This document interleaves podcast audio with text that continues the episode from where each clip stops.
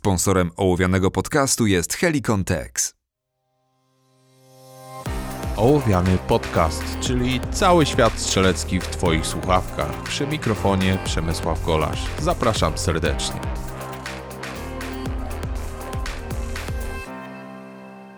Witajcie w 41 odcinku Ołowianego, a dzisiaj chcę Wam powiedzieć o pistolecie, który moim zdaniem jest bardzo dobrym wyborem, jeżeli chodzi o taki pistolet do strzelania rekreacyjnego, a także bardzo dobrą propozycją jako pierwszy pistolet.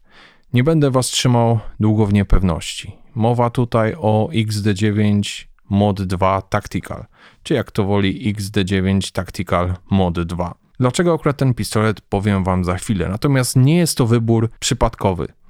Miałem okazję zapoznać się z kilkudziesięcioma konstrukcjami strzeleckimi, pistoletami w trakcie mojej kilkunastoletniej przygody i pracy związanej ze strzelectwem. I powiem Wam szczerze, że niewiele z tych pistoletów zapisało się na stałe jakoś w mojej pamięci. Większość mniej lub bardziej przypadło mi do gustu. Niektóre na początku były bardzo obiecujące, a potem trochę rozczarowały i vice versa. Natomiast XD9 e, Tactical w modzie dwójce, czyli ta nowsza wersja, która weszła na polski rynek w 2018 roku, jest bardzo fajną konstrukcją. I dzisiaj Wam powiem, dlaczego ten pistolet, który przeze mnie został swojego czasu troszkę niedoceniony, jest bardzo fajnym pistoletem wejściowym, bez względu na to, co będziecie chcieli robić, ponieważ tak naprawdę, kiedy zaczynacie swoją przygodę ze strzelectwem, nie do końca wiecie, w którą stronę pójdziecie. Czy będzie to typowa precyzja, strzelectwo tarczowe, czy będzie to dynamika pod kątem IPSC, Steel Challenge lub tego typu historii, czy też pójdziecie w stronę Piro, być może strzelectwa praktyczno-obronnego, bojowego. Bez względu na to, co wybierzecie, wybór pierwszego pistoletu jest ważny i zazwyczaj odgrywa tutaj rolę budżet. Jeżeli mówimy o budżecie, to ten pistolet, o którym mówię, mieści się w przedziale 2500-2600 zł. Akurat ten model, który mam, jest to model ze srebrnym zamkiem i to nie jest taki srebrny zamek, jaki może wam przyjść na myśl. Jest to taka bardzo fajnie zmatowiona, szczotkowana stal nierdzewna i wygląda to naprawdę przyjemnie, nie łapie za dużych refleksów w słońcu i tak dalej.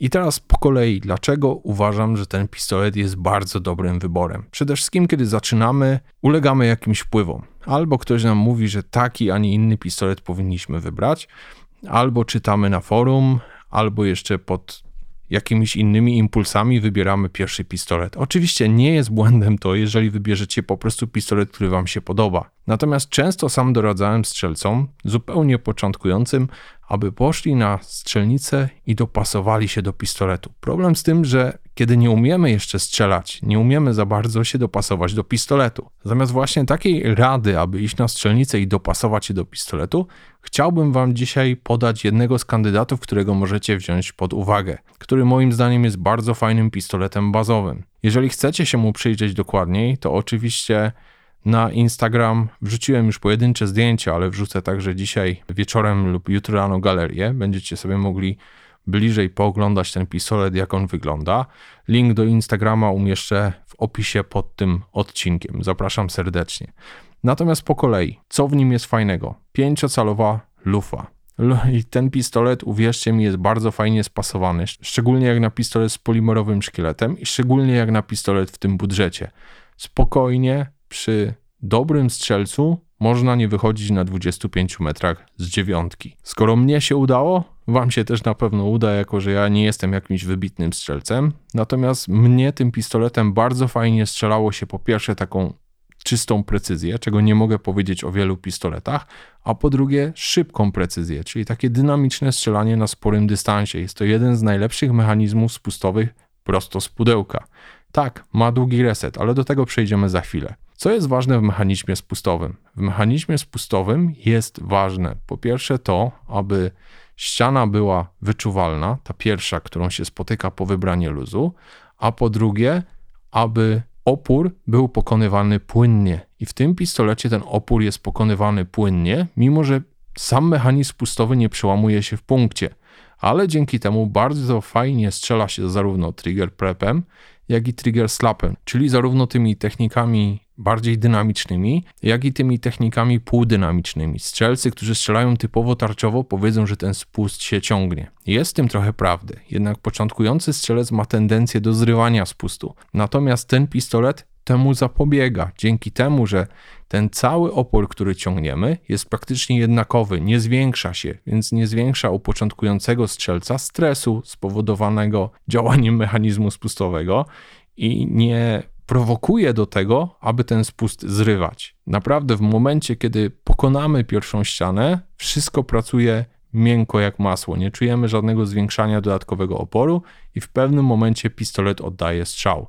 Jest to kilka milimetrów takiego jednostajnego ruchu. I to jest moim zdaniem bardzo dobre. I to jest moim zdaniem bardzo sprzyjające ku temu, żeby nauczyć się właściwie pracować na języku spustowym. Potem sam zdecydujesz, czy wolisz spusty przełamujące się w punkcie, czy wolisz właśnie takie spusty działające jak takie bardzo lekkie, spokojne, dobrze wypracowane double action, które przełamuje się w pewnym momencie. Już powiedziałem Wam trochę o resecie. Ten reset jest rzeczywiście długi, około 6 mm, ale powiedzcie mi, jaki początkujący strzelec tak naprawdę potrzebuje ultra krótkiego resetu i który z początkujących strzelców potrafi ten ultra krótki reset wykorzystać.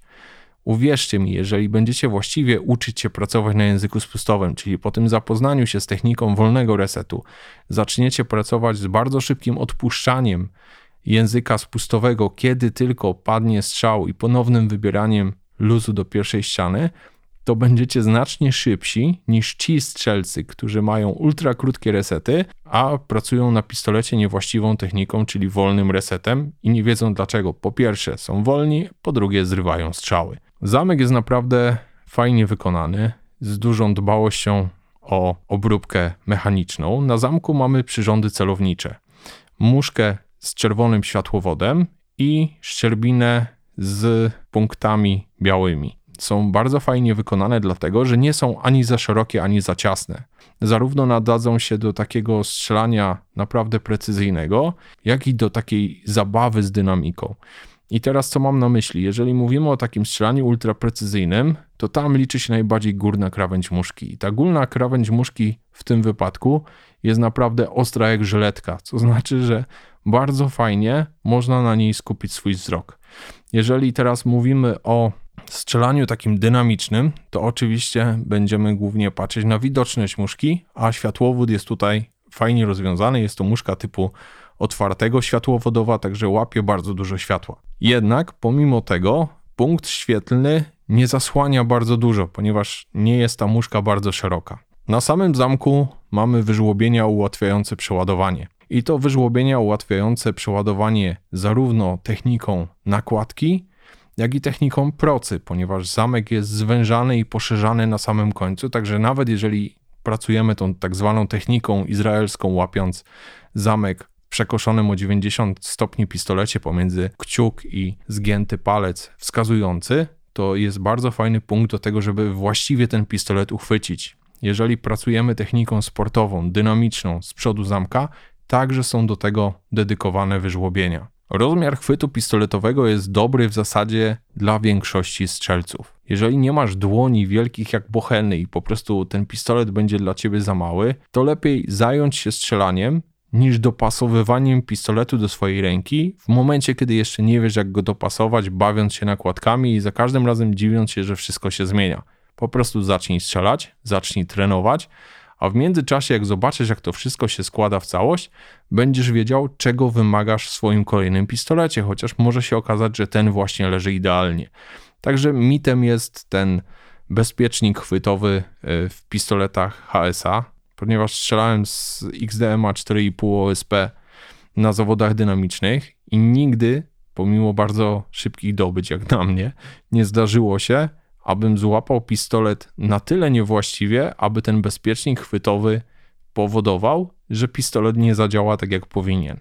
Także uwierzcie mi, jest to mit. Trzeba by było chyba złapać naprawdę pistolet w dwóch palcach, albo strasznie dziwnie, aby ten bezpiecznik chwytowy uniemożliwił wam oddanie strzału. Wiem, że najbardziej popularnymi wyborami, jeżeli chodzi o polski światek strzelecki, są Glock albo CZ.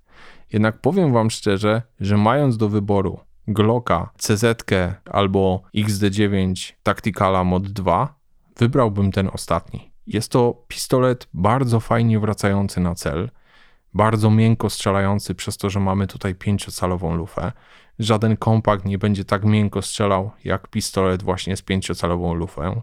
I dzięki temu, że ta lufa ma dokładnie 5 cali, a nie tak jak w XDM-ie 5,25, nawet jeżeli zechcecie się pobawić w strzelectwo dynamiczne, wejść w świat strzelectwa dynamicznego z tym pistoletem, to bez problemu zmieścicie się w klasie produkcyjnej. Z XDM-em, który ma lufę 5,25 cala, nie ma już takiej możliwości. Dodatkowo, jeżeli stwierdzicie, że chcecie trochę więcej kontroli, ponieważ ten pistolet wam jej nie daje, bo jest mimo wszystko pistoletem z polimerowym szkieletem. Można do niego dokupić e, wykonywane przez producenta, przez HS Produkt, ciężkie żerdzie, stalową lub nawet wolframową. Ta ostatnia dodaje naprawdę sporo masy do tego pistoletu i sprawia, że odczucia ze strzelania są jeszcze zupełnie inne. Oczywiście tu już mówimy teraz o dokupywaniu akcesoriów, które są stosunkowo drogie, bo o ile żelć stalowa kosztuje chyba 140 czy 130 zł, o tyle żelć wolframowa już tych złotych kilkaset. Także nie spodziewam się, że ktoś do pistoletu, który kosztuje 2500 czy 2600 zł w tej chwili bodajże, będzie chciał dokupić żerć za kilkaset złotych. Raczej już chyba wtedy pomyśli o jakimś pistolecie dedykowanym do dynamiki, jeżeli ten nie będzie mu wystarczał. Jednak wątpię, że początkujący strzelec bardzo szybko z tego pistoletu wyrośnie. A na pewno dzięki niemu ma szansę nauczyć się bardzo dobrze strzelać, ponieważ najważniejszą rzeczą, która moim zdaniem jest, jeżeli chodzi o opanowanie strzelania, to jest nienaruszenie zgrania przyrządów celowniczych w momencie oddawania strzału. I ten pistolet właśnie bardzo, bardzo fajnie w tym pomaga. Dajcie znać, jakie macie odczucia. Jeżeli mieliście możliwość zapoznania się z tym pistoletem, dajcie proszę znać na Instagramie, jakie jest porównanie tej broni do innych broni, z której strzelaliście. Jak dla mnie, tak jak mówię, jest to jeden z pistoletów, z których udawało mi się najprecyzyjniej strzelać, a mistrzem precyzji nigdy nie byłem. E, poza tym bardzo fajnie strzelało mi się nim tą precyzję szybko. Także jeżeli chodzi o moją rekomendację, już ją w tej chwili znacie. Wybaczcie właściciele Glocków i CZ. Przez długi czas też podążałem e, drogą tego, co wyczytałem w internecie, drogą tego, czego się nasłuchałem. Ale w pewnym momencie ważniejsze jest to, co daje wam tak naprawdę możliwość rozwoju. Nie podążajcie koniecznie przy pierwszym pistolecie za najkrótszym resetem, za największymi możliwościami zmiany broni z jej stanu fabrycznego, ponieważ nie będziecie w stanie tego ogarnąć. Będziecie popełniać wiele błędów, będziecie w nieskończoność testować nowe rozwiązania, tak naprawdę jeszcze nie umiejąc strzelać, a to prowadzi tylko do coraz większego takiego zniechęcenia do samego pistoletu i do samego strzelania, a chyba nie o to w tym wszystkim chodzi. Dzięki za uwagę i do usłyszenia w kolejnym odcinku ołowianego.